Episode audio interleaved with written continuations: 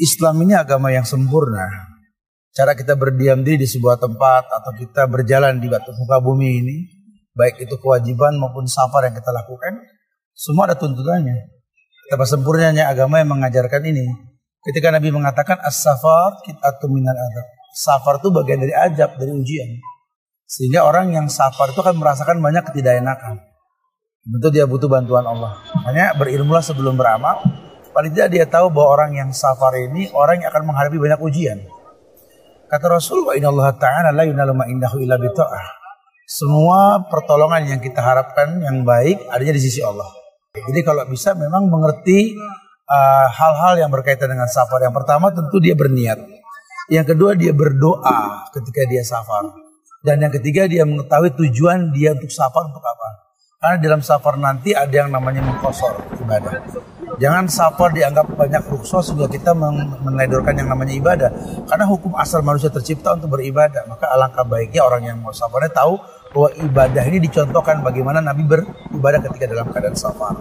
Contoh yang paling mudah. Nabi nggak melaksanakan ibadah sunnah ketika safar. Nah, yang dimaksud sholat di sini kecuali witir dan qobliyah sunnah. Ya. Nah, buat kita praktekan Nabi mengkosor, menjama adanya aktivitas maghrib dengan isya dua rakaat, zuhur dua dengan asar dua. Nah, kita perlu tahu. Mobil khusus buat akhwat. Nabi hanya mengatakan la tusafiru mal'a salah salain illa bidi mahram. Tolong dalam safar untuk wanita khususnya tidak ada tanpa mahram. Sehingga nanti kemudian bakal kita dapat insya Allah ya. Wallahu a'lam. Salam manfaat ya. Assalamualaikum warahmatullahi wabarakatuh.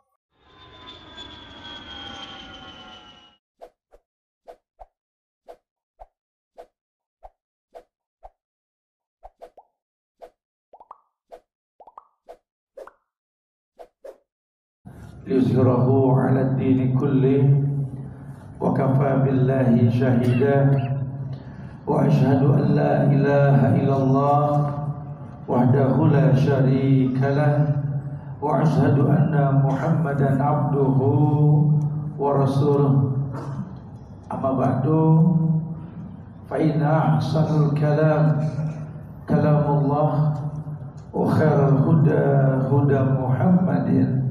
sallallahu alaihi wasallam.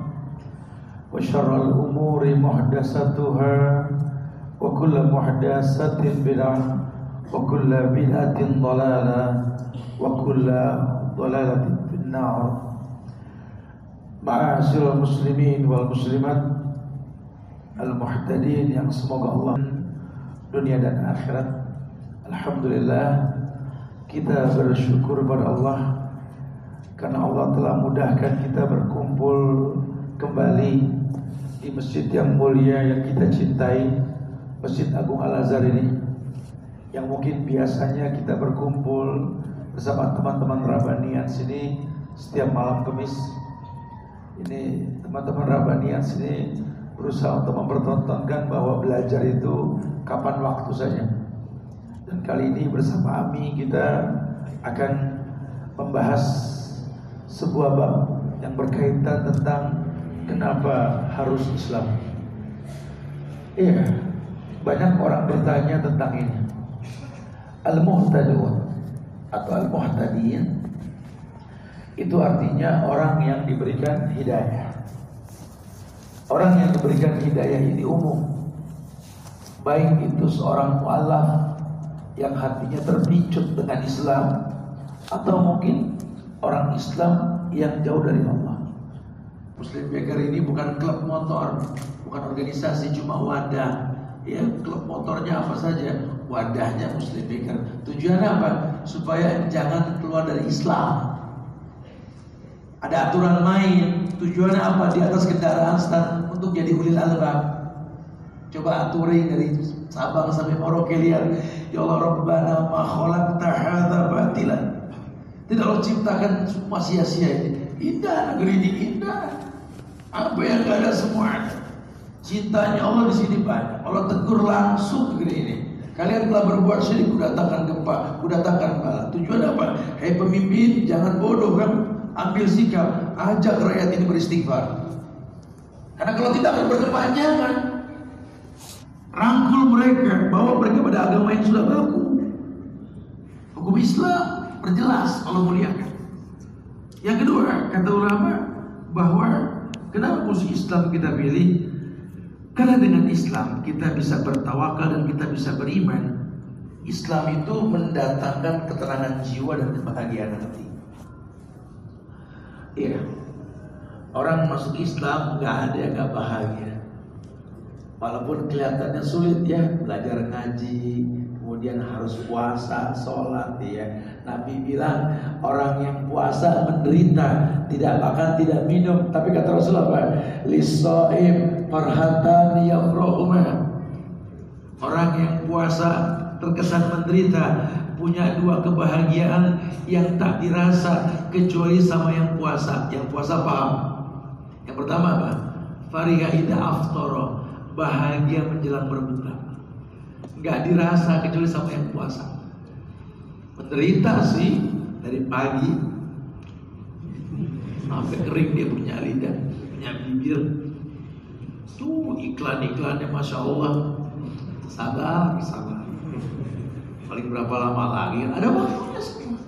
Habis sholat asar menjelang maghrib semua berseri. Farihah indah bahagia ketika menjelang itu terasa. Islam ini nggak bisa dikira-kira. Islam ini dirasa.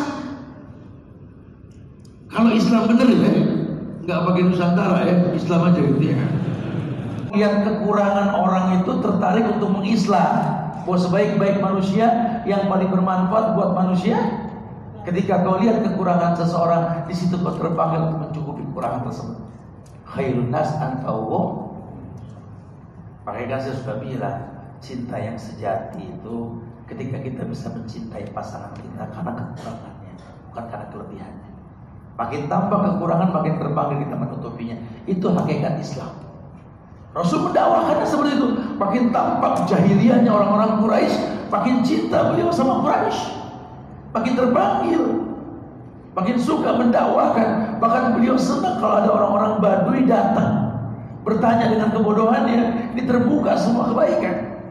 Sahabat pegel sama Baduy, Nabi enggak. Karena kenyataan memang orang seperti itu, masya Allah. Nah, penting kita mendalami ini. Kemudian yang lainnya, kata ulama, orang yang Islam, kenapa mesti Islam? Ya karena dengan Islam dia bisa bertakwa. Kalau dia sudah bertakwa, dia bisa bertawakal. Dan ternyata dengan Islam Allah cukupi dunianya. Tahu kan cerita Nabi Allah Ibrahim? Itu ujian berat Nabi Ibrahim itu ngadepin bapak yang kafir. Bapak Ibrahim kan kafir, si Azar itu ya, pembuat patung kafir. Ya, nggak tanggung tanggung nih bapak bentrok sama anak, anak suruh dibakar di depan umum. Tapi Islamnya beliau ini kuatnya akidah beliau sebagai Abul Anbiya, Imamul Hunafa, imamnya orang-orang yang hanif. Sampai Allah mengatakan dengan tegas, "Kulna ya naru kuni bardan wassalaman ala Ibrahim."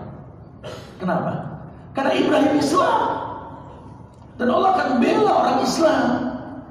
Makanya pendahulu-pendahulu kita nggak takut sama VOC, nggak takut sama PKI komunis, tegas, tegas Walaupun cuma bambu runcing, maju. Allah yang kasih menang. Gak usah takut. Islam pasti dibela. Tegas. Belum rapi ini manajemen negara. Haramkan PKI. Tegas. Biarlah nanti waktu yang bercerita pada akhirnya kita juga akan menerima turunan mereka. Jangankan turunan PKI, turunan Abu Jahal saja bisa jadi komunis surga, betul? Tapi nggak usah mereka membuat organisasi itu lagi sudah. Jangan bangkitkan luka lama di hati orang Indonesia. Komunis tetap komunis sampai kapan kapan dan haram orang tanpa agama di Indonesia ini. Gak usah nuntut minta ini minta itu sudah. Kami berikan napas kalian. Karena kami tahu ada yang lebih bejat dari kalian. Anaknya Abu Jahal pun bisa masuk Islam. Di Indonesia. Kenapa? Ada gempa ada tsunami betul jangan pesimis ya jatuh deh harga tanah nggak apa-apa kelola saya salut sama petani di Dieng Dieng Itu kan kawahnya Cikijang tuh pindah-pindah kawahnya.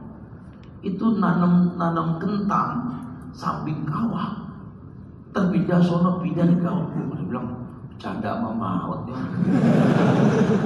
Pada nggak takut pak, ya kan aja urusan Allah. Tuh di atas kawah ini kita berbuat baik bukan berbuat maksiat. Lihat, di atas kawah pun Allah jaga orang Islam. Tapi lihat, di atas tempat yang gemah rompah loh jinawi Allah musnahkan orang-orang kafir. Fa'inna dima'ahum wa amwalahum wa a'radahum haramun alaikum illa Islam. Ini kabar gembira buat orang yang sudah masuk Islam dan dia seorang muslim. Fa inna dima'ahum orang Islam itu darahnya tidak boleh ditumpahkan. Maka semua yang menyebabkan tumpah darah orang Islam haram. Ya. Orang Islam diharapkan dibunuh. Orang Islam tidak boleh dicaci maki dihujat. Tidak boleh sampai dibunuh tidak boleh. Yang kedua, wa amwal wa. Kehormatannya. Makanya kita juga harus ngerti ini. Kalau memang pemimpin kita muslim, presiden, gubernur, wali kota, bupati, camat, lurah, RW, RT, suami, dia seorang muslim, maka tidak boleh diibah, tidak boleh dihujat. Tolong jangan sampai kebiasaan buruk yang ada di sosial media membuat anekdot-anekdot pemimpin-pemimpin kita uh, sebarluaskan itu haram. Tidak akan pernah bisa merubah dengan cara yang haram. Nasihatin, nggak mungkin tak doain. Banyak di antara kita ini yang udah lama nggak mendoakan pemimpin-pemimpin kita. Doain. Wa'aradahum wa'awalahum hartanya. Hartanya pun sama, tidak boleh dijarah. Makanya kalau sudah begitu harus ini di negeri ini kompak tidak boleh itu korupsi, apalagi mengambil haknya orang Islam. Karena secara umum Indonesia ini kan negeri yang dimerdekakan karena rahmat Allah. Dan dulu itu mayoritas yang menguasai Indonesia orang Islam. Cuma karena orang Islam dibikin bodoh, dipecah-pecah belah, akhirnya sekarang banyak dijual sama orang kafir. 70 di neraka, satu di dan Nasrani terpecah jadi 72 golongan. 71 di neraka, satu di surga. Siapa Yahudi yang di surga? Yang mengikuti Nabi Musa. Siapa Nasrani yang masuk surga? Yang mengikuti Nabi Isa saat itu.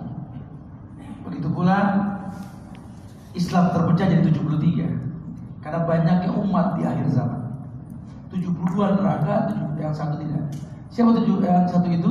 Yang mengikuti Nabi Muhammad.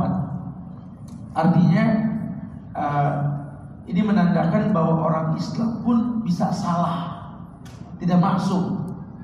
Nah, mereka di neraka tidak kekal. Kenapa? Karena mereka tetap seorang muslim. Karena dalilnya mengatakan Islam terpecah. Islam tetap. Cuma perbuatan mereka tidak mencontoh Rasul 72 golongan tersebut. Imam berbuat bid'ah, berbuat maksiat, kufur nikmat, tapi yang pasti dia tidak berbuat syirik. Makanya kita nggak boleh gampang mengkafirkan. Oh, ini beda firqah, kafir, beda ini kafir, hati-hati nih. Sahabat mengatakan dulu zaman Rasul orang Yahudi, orang Nasrani melihat muka kami para sahabat bisa masuk Islam. Ini bukti bahwa sahabat dalam dakwah ini nggak cuma pakai suara, pakai tingkah laku. Bisakah kita sebagai kamu, sebagai muslimah berpenampilan yang islami di hadapan teman kamu dan punya karakter Islam yang baik? Sampai nanti orang kafir juga niat kamu itu asik. Bahwa kamu betul-betul orang yang layak untuk diikuti teman yang baik. Kemudian yang kedua, teknik Rasul dalam berdakwah itu tahadu tahabu. Orang Islam itu nggak boleh bakhil. Orang Islam itu punya izzah, nggak ngayal dibantu, tapi ngayal membantu orang Islam. Jadi biasakan untuk gemar memberikan hadiah. Karena terkadang hadiah yang halal itu menjadi pijakan datangnya hidayah. Kita kalau mau berdakwah ke orang, kasih minuman yang halal, makanan yang halal, hadiah yang dia suka. dakwah tuh gampang masuk. Karena Nabi mengatakan tahadu tahabu, saling memberi hadiah timbul cinta. Kemudian yang ketiga, kita perlu tahu sebab dia berbuat kufur. Oh latar belakang saat keluarga mendominasi ini ini ini. Berarti kita harus mendominasi dalam pergaulan yang mewarnai dia. Jadilah sahabat yang baik buat dia. Maka Allah akan berikan hidayah. Karena sahabat yang baik akan membuat sahabatnya jadi baik. Allah a'lam. Baik ini, masya Allah.